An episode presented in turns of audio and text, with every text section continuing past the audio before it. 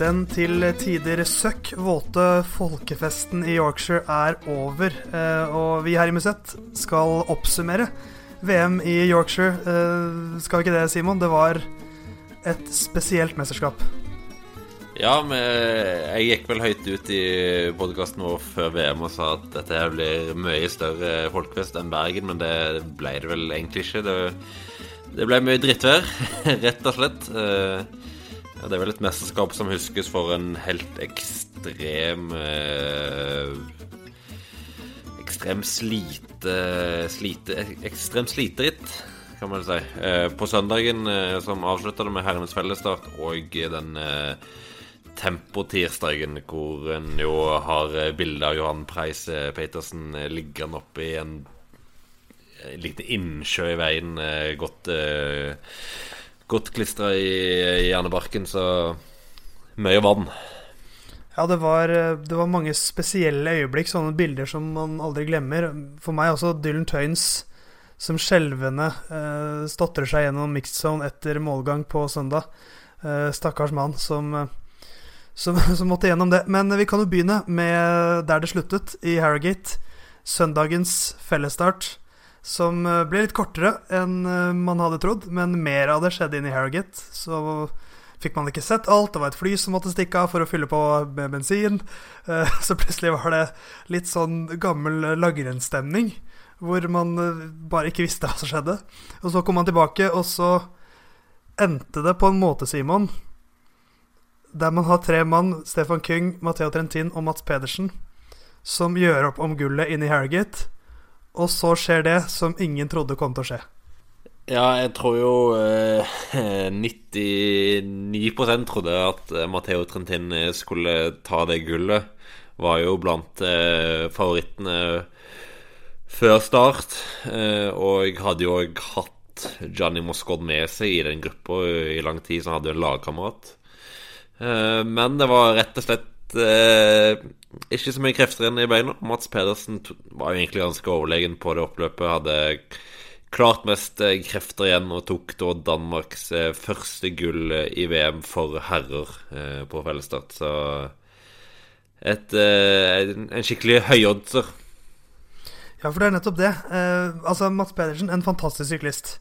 Men når du hører eksp danske eksperter osv. Han var ikke bankers nødvendigvis på det danske laget. Eh, noen som har trukket fram at Mikael Mørkøv snek seg opp på femteplass i EM, og da sikret dem åtte plasser, var det vel? Ja, jeg skrev det på Twitter i går, så Ja, stemmer det. Det var kanskje du som skrev det. eh, ja. At det da var kanskje der VM-gullet ble sikra, med Mikael Mørkhaug sin femteplass i EM. Ja, det var jo både en journalist og en redaktør i feltet.dk som svarte de var litt uenige seg imellom, men eh, eh Pedersen hadde jo et Han hadde en veldig svak vårsesong. Det er jo mannen som ble nummer, eh, han ble nummer to i Flandern rundt i fjor, men i år så var han ganske langt unna der, sammen med resten av trekk, får han for så vidt eh, legge til. Eh, og jeg husker jeg møtte han så vidt i Torf Norway eh, før den første stappen. og da skulle han prøve å måtte risette sesongen litt, og så var han ut på den andre etappen igjen. Og har egentlig sett Han så egentlig ganske dårlig ut gjennom stor del av sesongen før det begynte å løsne litt sånn i, i august. Og så vant han jo GP Isberges eh, rett eh, før VM og kom tydeligvis i, i toppform. Eh, men absolutt at de hadde åtte plasser, jo, nok det mye lettere for han å få en plass på det VM-laget. For han, etter det han hadde vist før i sesongen, så, så var jo han ikke bankers på et lag hvor du òg har Valgren, Fuglsang eh, Kort Askren, som riktignok eh, jo var litt på nedadgående formkurve nå i VM, da, men uttaket ble gjort en, en, en, stund før det igjen, så eh, jeg tror nok han er glad for, glad for at eh, det ble åtteplasser Dennek Danmark òg. Det var jo en, en, utrolig fascinerende siste time på mange måter av, av rittet i Harrogate, hvor du, du elsker jo ryttere, Simon, som er flinke på å komme i forkant. Ja. Øh, og her får vi se litt viktigheten av en sånn ferdighet. Ja, absolutt. Og det begynner jo med Det er vel eh, Hva ble det? Fem runder igjen når eh, ut på den femte siste runden, kanskje. Når eh, Stefan King og Lawson Craddock eh, angriper og bygger seg opp ei seg opp ei luke. Eh, og det er jo King som sitter igjen der i finalen, og da har jo han åpenbart fått en mye jevnere reise enn de andre. Eh, og så har du Mats Pedersen som eh, angriper på den fjerde siste runden. Et helt strålende angrep. Eh, han angrep vel Han fikk en liten luke i, i bånn av den tøffeste bakken, og så kjørte han jo helt forrykende opp. Kun King som klarte å hekte seg på når han kom opp. Og så kom jo Toynissen og Moskon òg opp i etterkant. Eh, og så var det jo den tredje siste hvor da van der Poel angrep, fikk med seg eh, Trentin. Alla Filip prøvde å henge seg med, men han kom akkurat ikke med. Eh, og da så det ut som hadde fått en gullgruppe på fem ryttere. Eh, og da har du jo både Kyng og Pedersen som er noen av de første som angriper, som da sitter i, sitter i den gruppa. Altså angriper lenge før favorittene gjør så da, da, sitter du plutselig der i en strålende situasjon. Og så sitter alle og tenker Nå begynner den luka å bli stor her. Eh, det er fem ryttere, eh, de jobber bra sammen. Og så skjer det enda en ting som ingen sitter og forventer. For når den kvintetten går av gårde, med mannen som veldig mange hadde som sin store favoritt, Mathieu van der Poel, og så stopper det helt. Ja, jeg, jeg var litt sånn i, ja, i sjokk når jeg så det, for Det var jo den der slake stigningen rett etter Rett etter passering. Ganske sånn eh, seigt parti, da, men uh, han hadde sett ut som den sterkeste gruppa. Hadde tatt uh, veldig mange uh, gode føringer. Og så var det plutselig helt, helt tomt. og det var Det var rett og slett sånn Jeg var helt sjokk. Uh, og han har vel sagt rett og slett at han ble, han ble kald. Han bare har jo på en eller annen måte Sikkert en kombinasjon av litt næring og det at han har frøst mye, og så har det bare sagt fullstendig stopp helt plutselig. Uh, og det han, han, hadde jo ikke sjans Han fullførte jo langt bak, så det var, var helt stopp, rett og slett. Det var altså Han ble til slutt nummer 43 eh, av 46 stykker som fullførte. Han, så han skal ha den han fullførte, nesten 11 minutter bak rytterne som satt i den gruppa der han så ut som en av de sterkeste. Så det var et av årets øyeblikk for meg. Så det, er som, det er som når Supermann blir utsatt for kryptonitt. Det bare stoppa helt opp. Uh, og da liksom plutselig er det Matheo Trentina alle sitter og ser på. Og han må jo ha sittet der og tenkt 'Dette har jeg min hulehånd'. Det virket sånn etter målgang også. Han virket sånn nesten sånn som han ikke skjønte helt hva som hadde skjedd. Eh, for, for det, det, er jo en fascinerende finale hvor Moscon er litt sånn av et par ganger. Så ender det vel med at han uh, ryker når uh, Stefan Kung bare tenker at 'hvordan kan jeg vinne dette?' Jo, vi må bare kjøre på. Uh, så sikrer han medaljen i hvert fall, og da får han jo en Han får jo en sånn antydning til en luke til Trentin og Pedersen. Trentin tetter luka, men da ser du Trentin jobbe litt. Men etter det så sitter han jo med tidenes kaldeste tryne. Og da snakker jeg ikke om kaldt som i hutrete, men et pokerfjes som uh, oste selvtillit for meg, i hvert fall. Ja, jeg tror de fleste som så på, jeg tenkte akkurat det. Uh, men uh, ja, det er liksom Det er dritt ritt på 6,5 timer. Det er i en veldig seig løype i et fryktelig vær. Da, da kan det skje veldig mye rart på slutten av et ritt, og det, og det skjedde jo. Det, jeg så jo eh, Sporsa, altså belgisk TV, var ute med teorien om at grunnen til at Pedersen sto så godt, var fordi han hadde eh, høy fettprosent.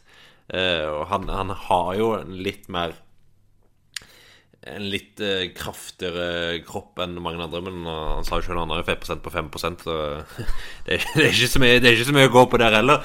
Uh, men uh, det var Pedersen som, som sto best til slutt, og klart det kan være litt tilfeldigheter underveis. Det kan være at han har klart å spise litt bedre, holde seg varm litt bedre. Det er sånne små marginer som plutselig utgjør veldig mye når du kommer på slutten av et så hardt ritt.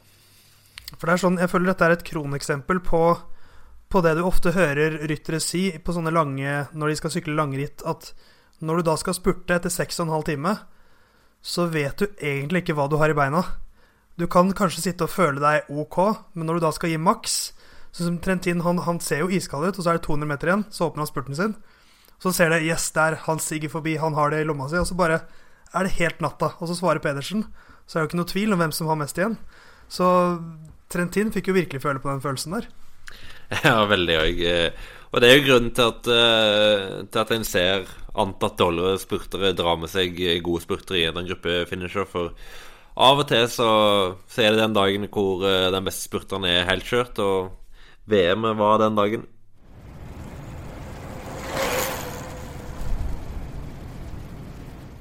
Da blir det jo altså en uh, historisk dansk gullmedalje foran Mathea Trentin og Stefan Kyng.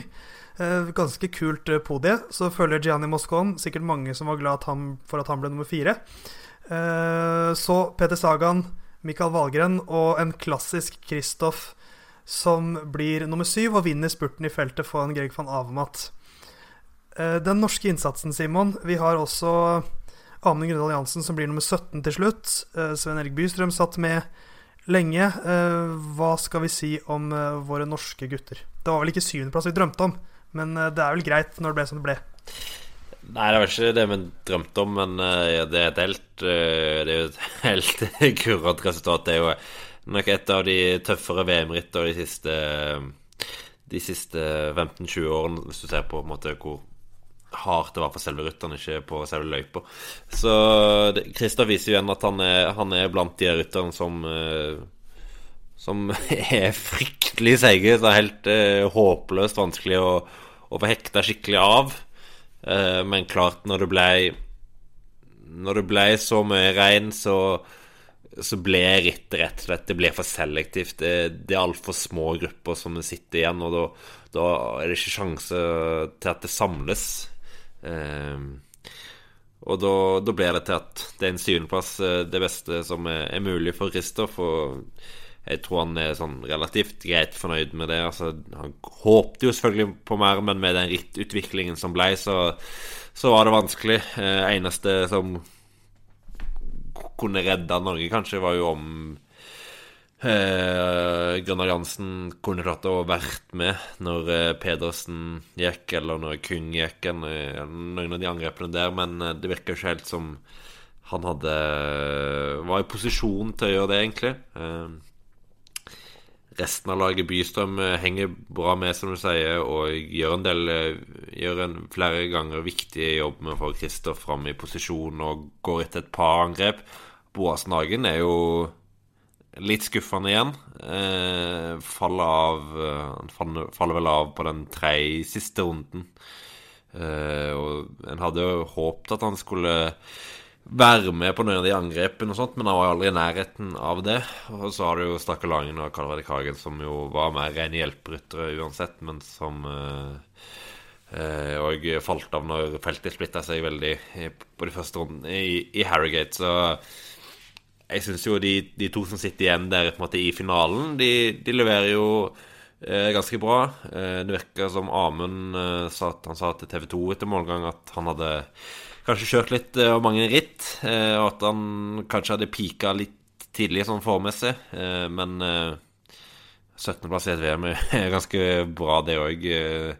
Når, når, du har en lagkamerat som blir nummer syv, og du jobber jo sikkert litt for å for å posisjonere han mot uh, slutten. Så jeg får vel si at det, er absolutt godkjent. Uh, men uh, jeg tror jo Jeg tror det hadde håp på mer, men med rettutvikling så var det vanskelig, i hvert fall for Kristoff, å få til nye mer.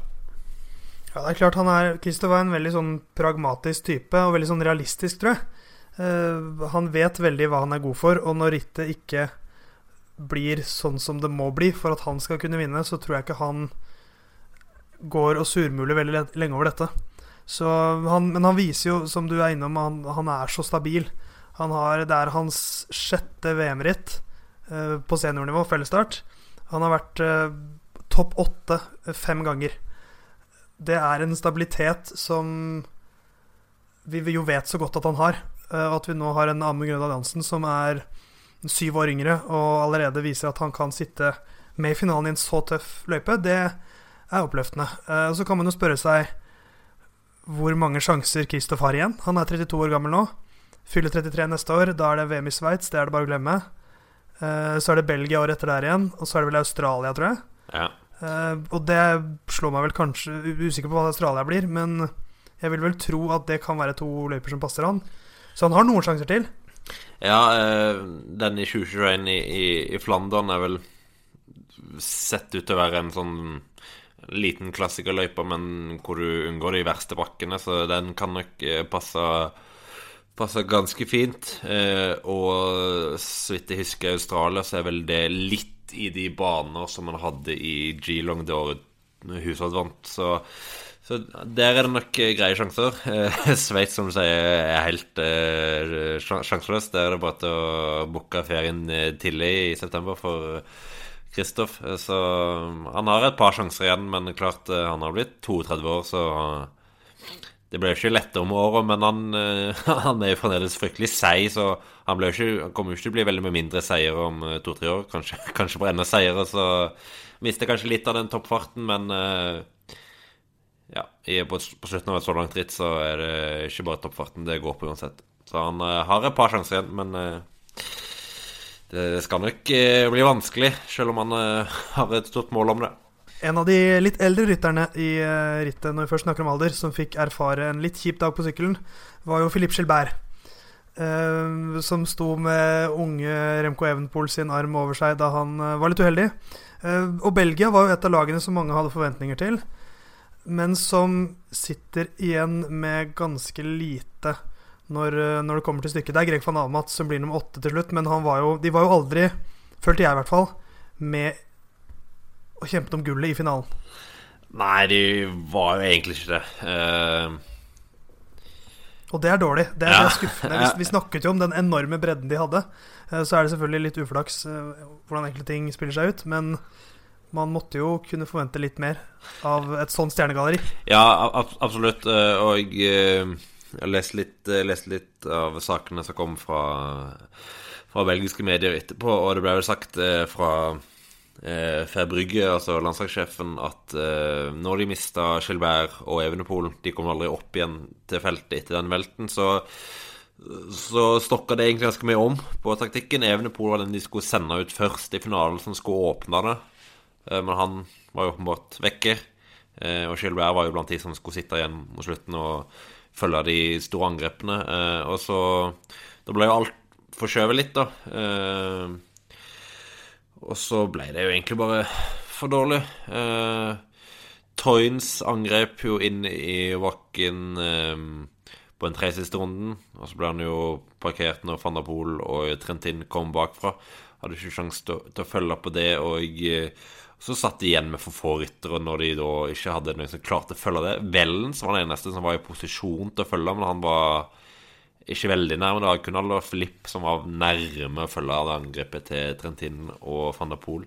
Van Armat lå jo midt i feltet og var jo fullstendig sjanseløs på, på å følge. Så van Armat eh, sov kanskje litt i timen når, når, du ser at van der Poel og Trentin går i den bakken. To av de eh, som har blitt snakka mest om eh, før, eh, før VM-fellesstarten. Og det var jo egentlig van Amat som var det eneste belgiske kortet igjen der i finalen.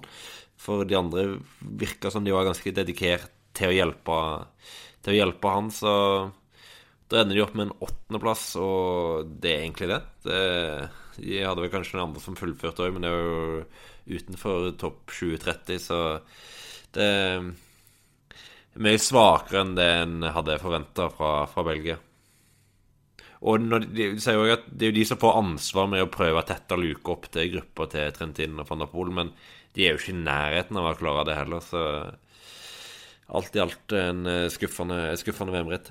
Jeg er Carl Fredrik Hagen, syklist på Lotto Sodal, og du hører nå på podkasten Musett. Noe av eh, det mest fascinerende med disse VM-rittene, for meg i hvert fall, er at man aldri vet helt hvor det avgjøres. Så man sitter alltid litt sånn på kanten av stolen når det går angrep osv. Og, så videre, og tenker Kan dette være det avgjørende angrepet?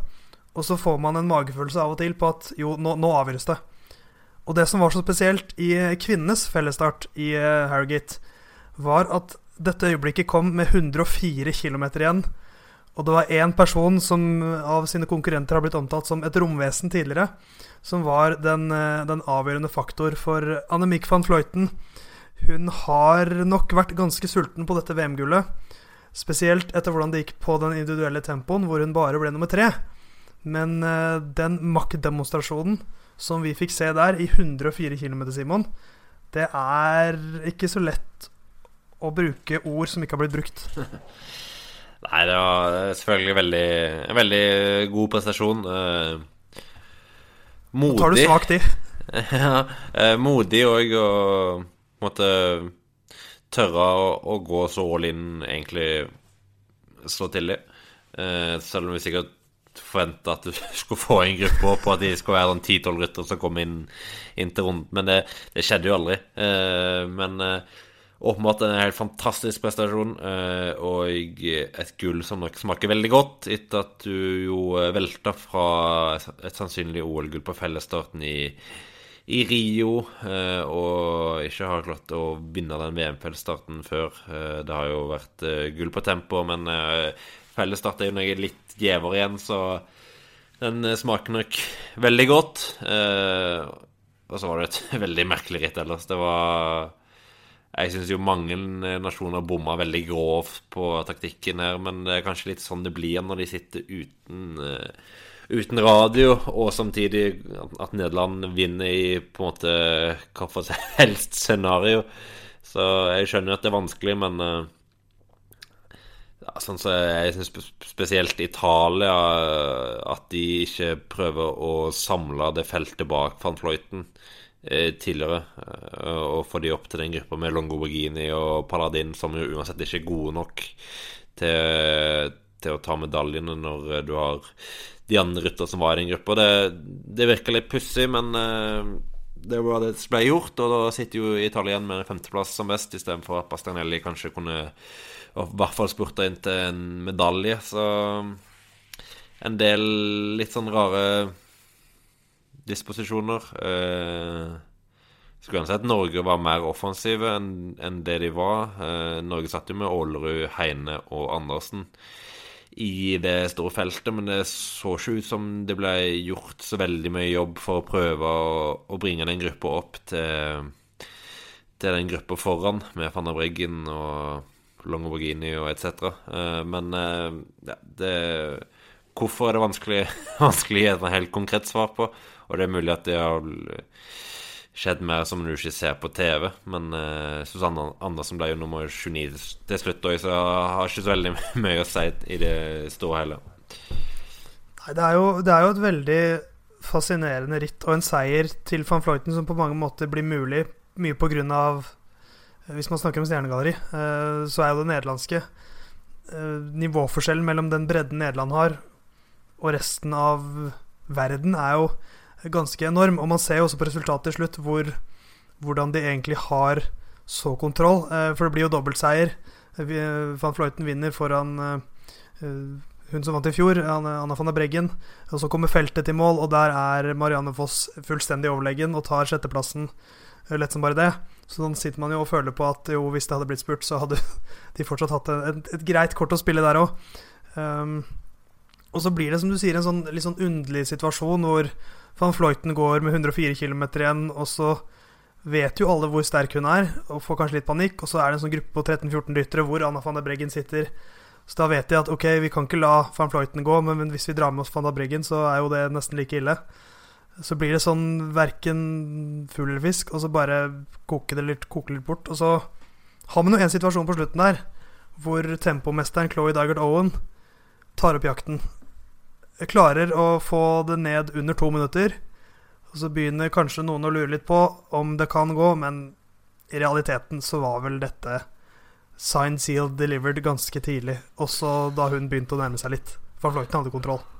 Ja, jeg tror det er jo kjørt nok ganske mye mer kontrollert enn det de gjorde i den i den gruppa bak, og det var jo en del, var en, var en del støting og sånt underveis, og det tapper jo mer for kreftene det monotone kjøret som van Fløyten hadde, så jeg tror hun hadde ganske god kontroll og vinner jo med 2-15 til slutt, så Hun var, hun var den klart beste på, på lørdag, og samtidig òg på det klart beste laget, som gjorde at ingen andre egentlig klarte å ta opp kampen, vil jeg egentlig si.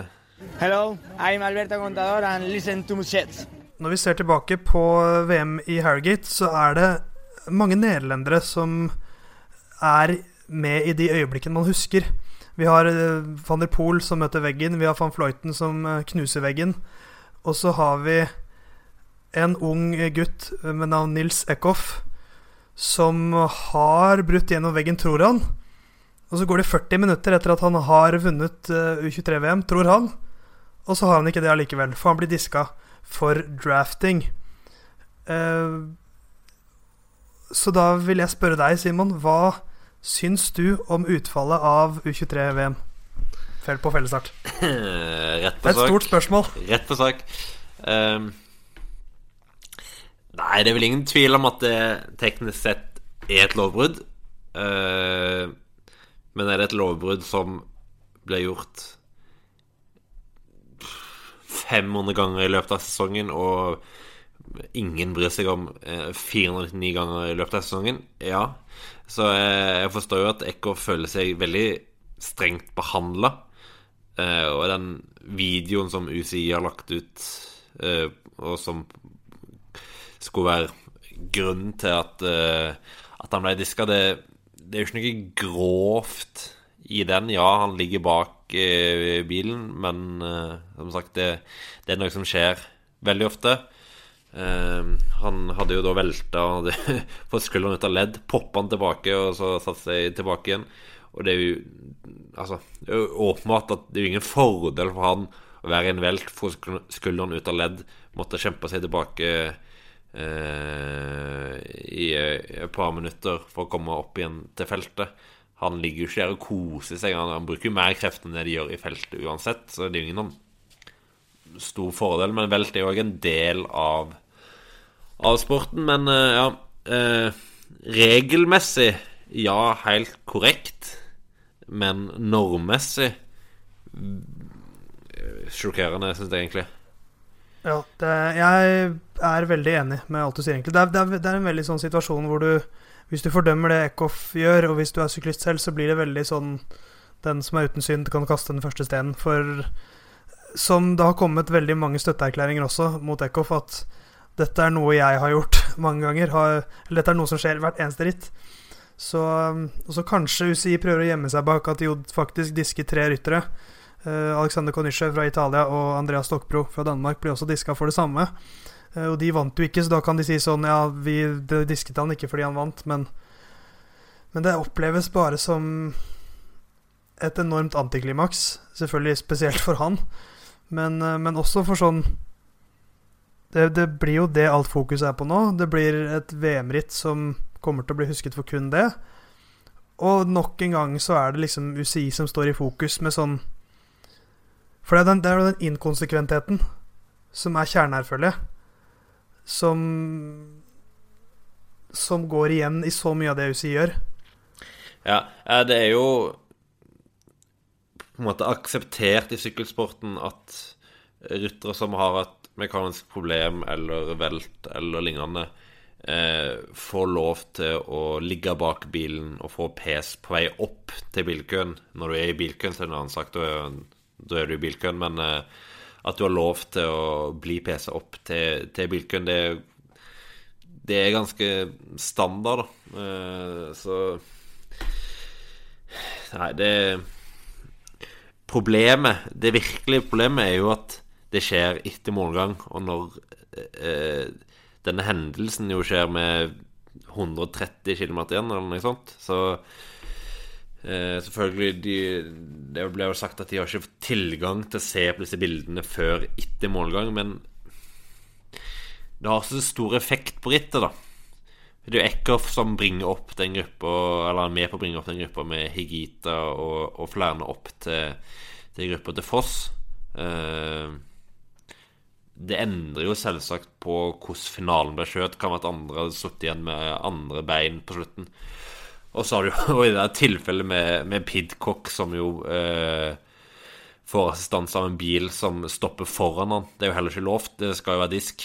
Men han blir jo ikke diska, og, jeg, og da får du jo som vanlig konspirasjonsteori om at uh, han kommer seg på bronseplass, hjemmehoppet, så det er jo Ja, det er, det er, jo det at han ikke klarer å være konsekvent på når regelbrudd skjer, da. Altså Ja, de tar tre ryttere, men de, de tar tre ryttere for noe som skjer, som sagt, fryktelig mange ganger i løpet av en sesong. Så det Det ser veldig rart ut. Det gjør det utvilsomt, men vi kan jo prate litt mer om, om selve rittet. For det er jo eh, da Samuele Battistella som eh, står i historiebøkene som vinner av dette rittet, selv om han trillet som nummer to av målstreken, foran Stefan Bissegger fra Sveits og Thomas Pidcock. Så følger Sergio Higita, Andreas Krohn og Tobias Foss. Eh, som du sa, Simon, det var tre mann der som kom opp. Eh, så Foss satt jo da til å begynne med i en gruppe på ja, fem ryttere, var det vel. For vi hadde jo også Idar Andersen. Um, så er det en skrue som løsner på forhjulet til Idar Andersen. Og så har han så mye papir osv. på baklomma si at han får ikke stramma den skruen.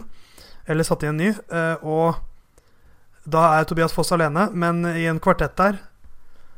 Og har vel kanskje ikke kvalitetene. Han kan veldig mye, men han er jo ikke veldig eksplosiv, og det er kanskje det vi ser spille seg ut på, på slutten her. Ja, det er jo det. Han eh, han er ingen uh, Han er ingen rytter som vinner en eh, spurt. Det var litt det som vi sa òg før VM, at Norge trenger et hardt ritt, og de, de mangler en klassisk vinnertype. De fikk et veldig hardt ritt. De lagde et veldig hardt ritt mye alene. De kjørte jo vinden fra start uh, og var veldig het òg. Sleden av Foss brukte veldig mye krefter uh, tidlig òg, men men de sprengte jo skikkelig da feltet over denne over den tøffe bakken i, i sidevind på toppen der. Og de fikk jo på en måte rittet helt sånn som de bare egentlig bare kunne håpe om. Eh, og, så, og så ble det litt sånn det blir. Det, det er vanskelig for Foss å vinne i sånt ritt. Eh, og den bakken innen inne på runden den er jo heller ikke så lang eller så bratt at det ble ikke store forskjeller uansett. Så jeg tror han er veldig fornøyd med måten uh, han og Norge generelt kjørte rittet på, men det er vanskelig å vinne for, for en rytter som Foss i en løype som det her. Så det er vel hans eh, siste U23-mesterskap? Ja, korrekt. No, noensinne. Så da ble det ikke noe gull, men han har hatt en grei U23-sesong i år og skal vel sykle Lombardia. Uh, ungdomsutgaven der senere i sesongen. Så det er jo kanskje et ritt som passer han enda bedre. Ja, det kan godt være det. Er litt mer eh, Litt mer eh, større bakker underveis, så det pleier å være litt mer selektivt, i hvert fall.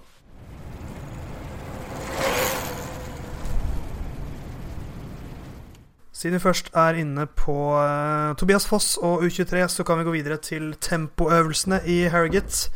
Og um, begynne med U23-rittet, hvor uh, Tobias Foss blir beste norske på tolvteplass. Men uh, det var jo en annen nordmann her, Iver Knotten, som lenge svevde veldig høyt over alle vanndammene i Harrogate. Ja, var det nest beste tid på den, det passeringspunktet som var omtrent halvveis. Kun slått av Mikkel Bjerg, som jo vant til slutt. Uh, men han var uheldig inn mot mål. Det var jo et forferdelig regnvær.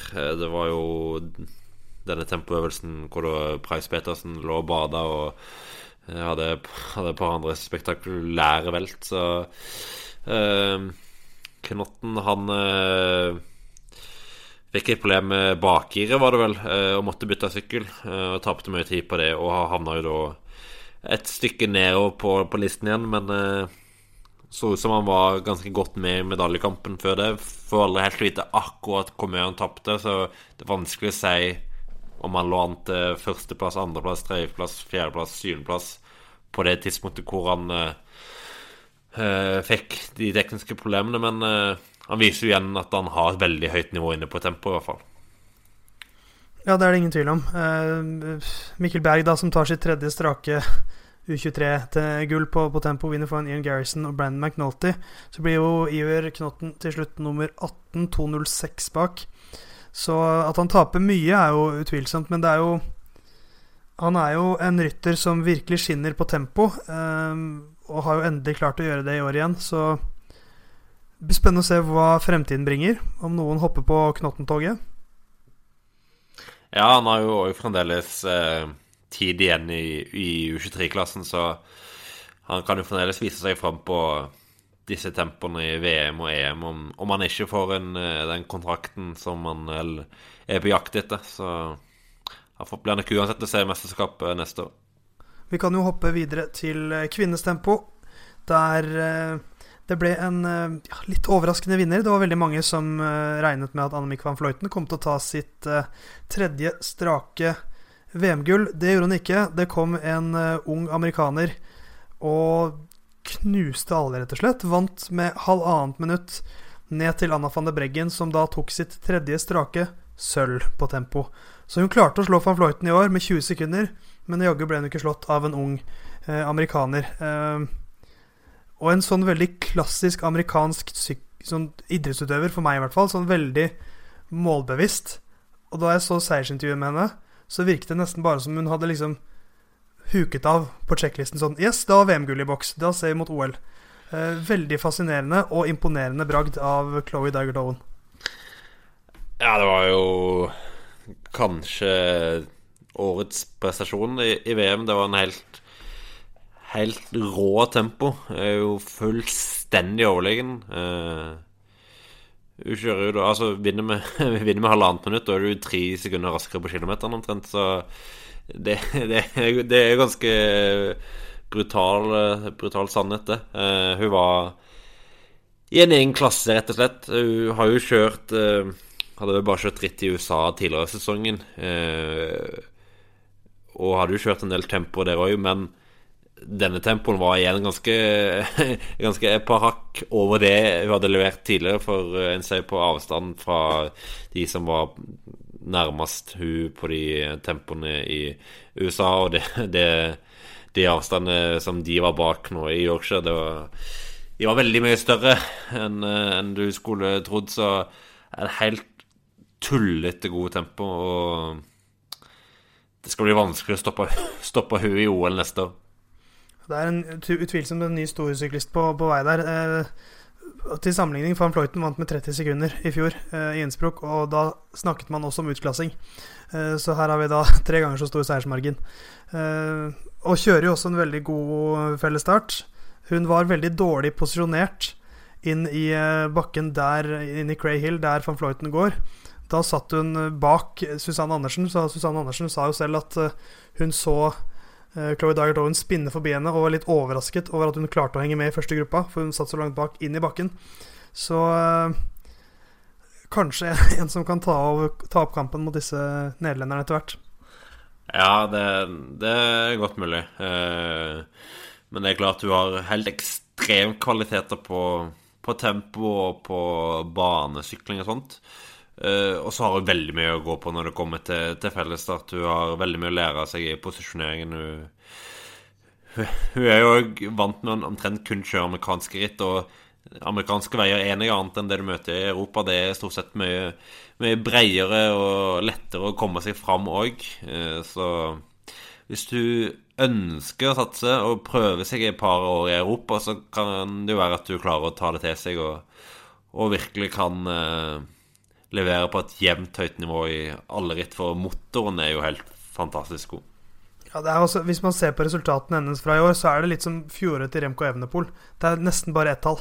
Um, så nei, vi får se hvordan hun klarer seg i Europa etter hvert. Men vi kan jo gå videre, Simon, til uh, nok et veldig spesielt øyeblikk.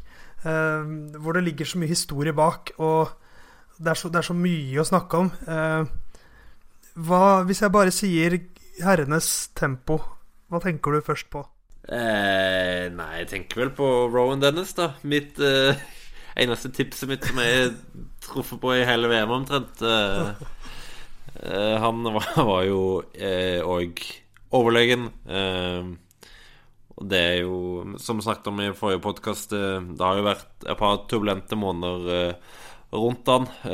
Han fikk jo, som ble kjent etter VM, eh, kontrakten terminert av Bain Merida Det var vel 13.9. Så han var jo egentlig ute av det laget allerede før VM, men han valgte jo å kjøre tempoen på på en sånn umerka BMC-sykkel. Det droppa han ut i fellesstarten, og kjørte han eh, fullt ut BMC, men eh, Nei, for en revansj for han, da. Eh, her har han gått og tenkt på om han er i, ved sine fulle fem. så kommer han tilbake og viser at han er den klart beste temposyklisten i verden, og det er ingen tvil om det engang, så han vinner med over ett minutt. Uh, og det, der har du dagens uh, Eller den tempoens andre storsak, det er jo Remco Evenepool som blir nummer to. Han, han er rimelig ellevill, den gutten òg, så ja, det... Et par veldig store prestasjoner. Det er eh, som sagt, det er så mange historier i den tempoen der. Så du, du har en sånn vinnerskalle på toppen eh, som Også fascinerende å se hvordan PR-teamet til Bahrain Merida løser annonseringen og publiserer da at han er fristilt eller terminert kontrakt idet Mats Pedersen går i mål på søndag, mer eller mindre. Det var det er satt i klar på publiserknappen, utvilsomt. Ja, utvilsomt, så det, det De har gått eh, skolen på hvordan du drukner nyheter du ikke vil ha så mye oppmerksomhet rundt, for det sånn, da. Nei, så det er en, eh, det er en rå prestasjon av Rohan Dennis, rett og slett. Den første rytteren som klarer å forsvare et VM-gull på tempo sin Tony Martin som gjorde det i 2012 og 2013. Så spent på hvor han ender neste år. Det har vel gått litt rykter om Injos? Og Movistar òg, ja. så nei, får se litt. Uh, åpenbart god nok til å være på et lag, det er jo ikke tvil om det. Men uh, det er jo seint i sesongen òg, så det kan jo være at han uh, tenker at jeg vil fokusere fullt på OL. Uh, og bare finne seg en kontrakt i løpet av neste år en gang og bare egentlig bare fokusere på, på OL-tempoen og lade litt opp til det alene. Men uh, få se. Uh, han, uh, han fortjener jo en World kontrakt uten tvil. Jeg er Carl Fredrik Hagen, syklist på Lotto Sodal, og du hører nå på podkasten Musett. Vi legger eh, VM bak oss, for eh, sykkelhjulene triller videre. Eh, det er en høstsesong som kommer, men for de norske Conti-lagene så begynner det allerede nå å dreie seg mer om 2020. Um, og der er det Det skjer en sånn omveltning i Sykkel-Norge nå. Mye pga. at det da selvfølgelig er et lag som blir et profflag. UnoX har stallen klar, Simon.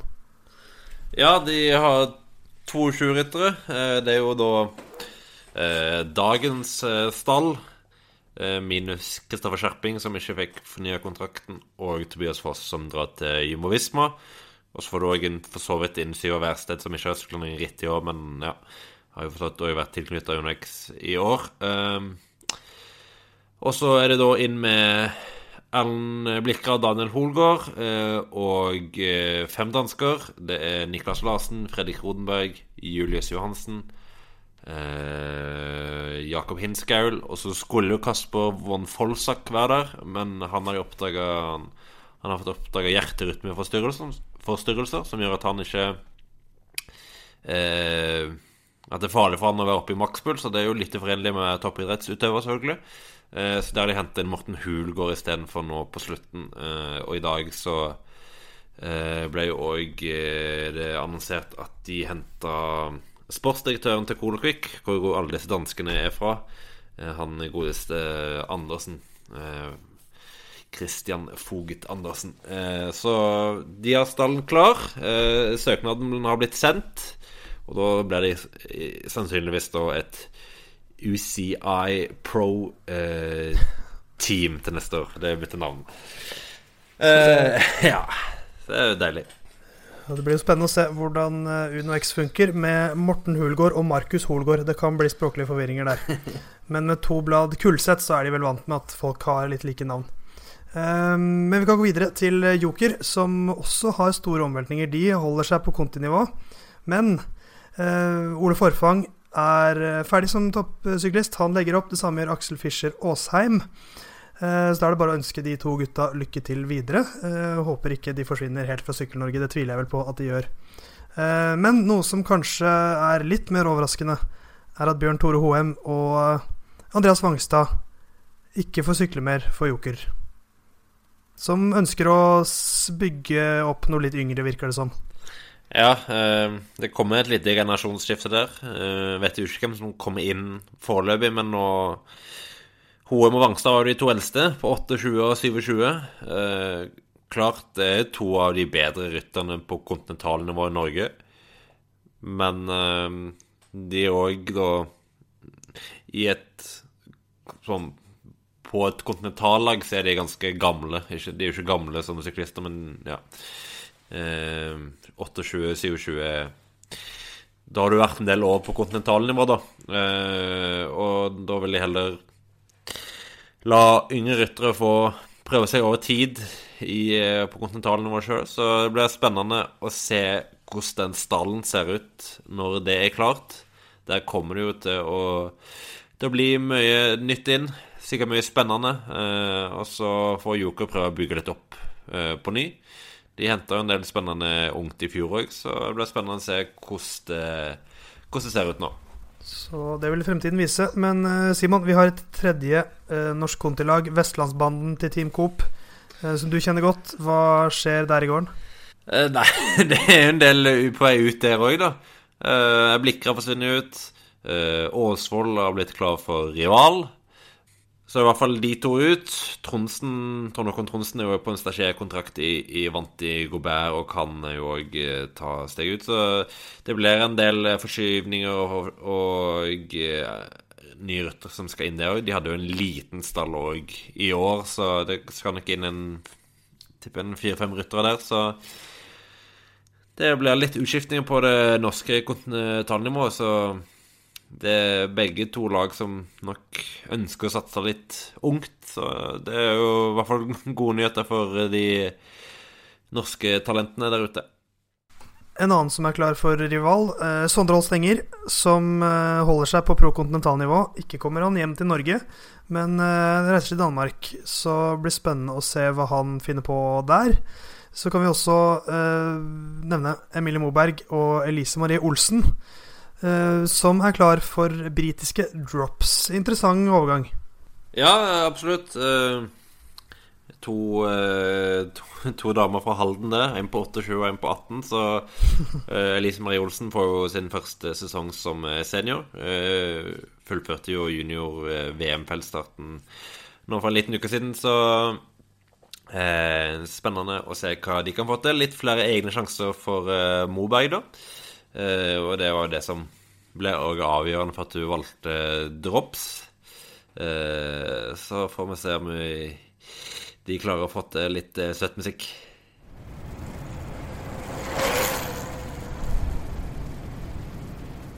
Vi nærmer oss slutten av denne VM-episoden med litt godt og blandet ellers.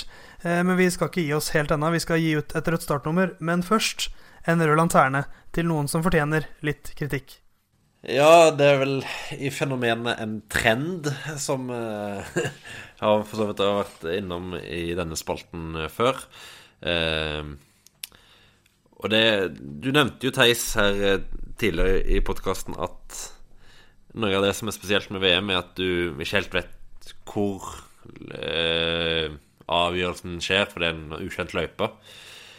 Uh, og det, det, var jo virkelig tilfellet i årets VM, for der var det jo ukjente løyper fra dag til dag. Uh, du hadde jo den samme rundløypa inne i Harrogate, men det var jo helt forskjellige innganger og ganske lange uh, et, transportetapper Eller det ble ikke transportetapper når det ble så lange, det ble jo en markant del av rittet på vei fra startbyen og inn til Harrogate.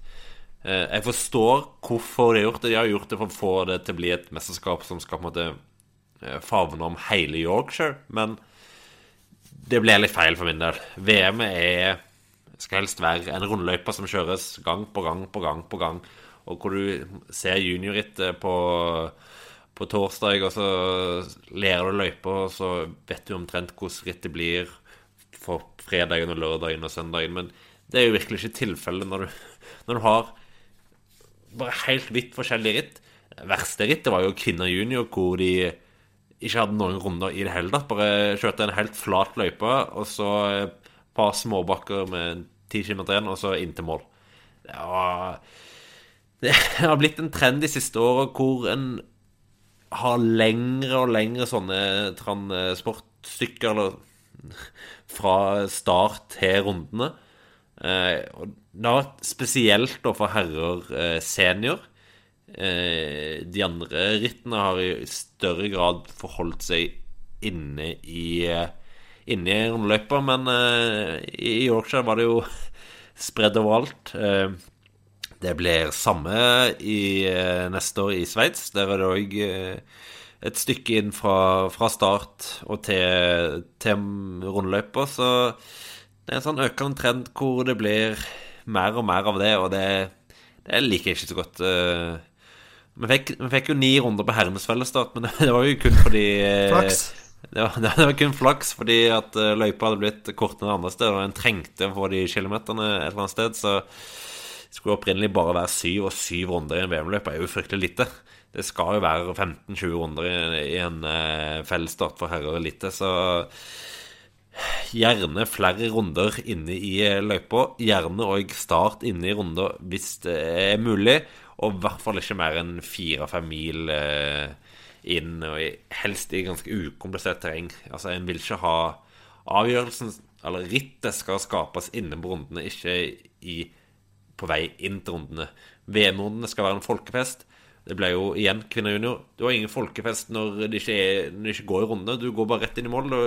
De får ikke ta del i denne VM-opplevelsen når du ikke får ha det der en time, to, kjøre rundt eh, med stort eh, publikum. Så flere runder i VM. Ja takk.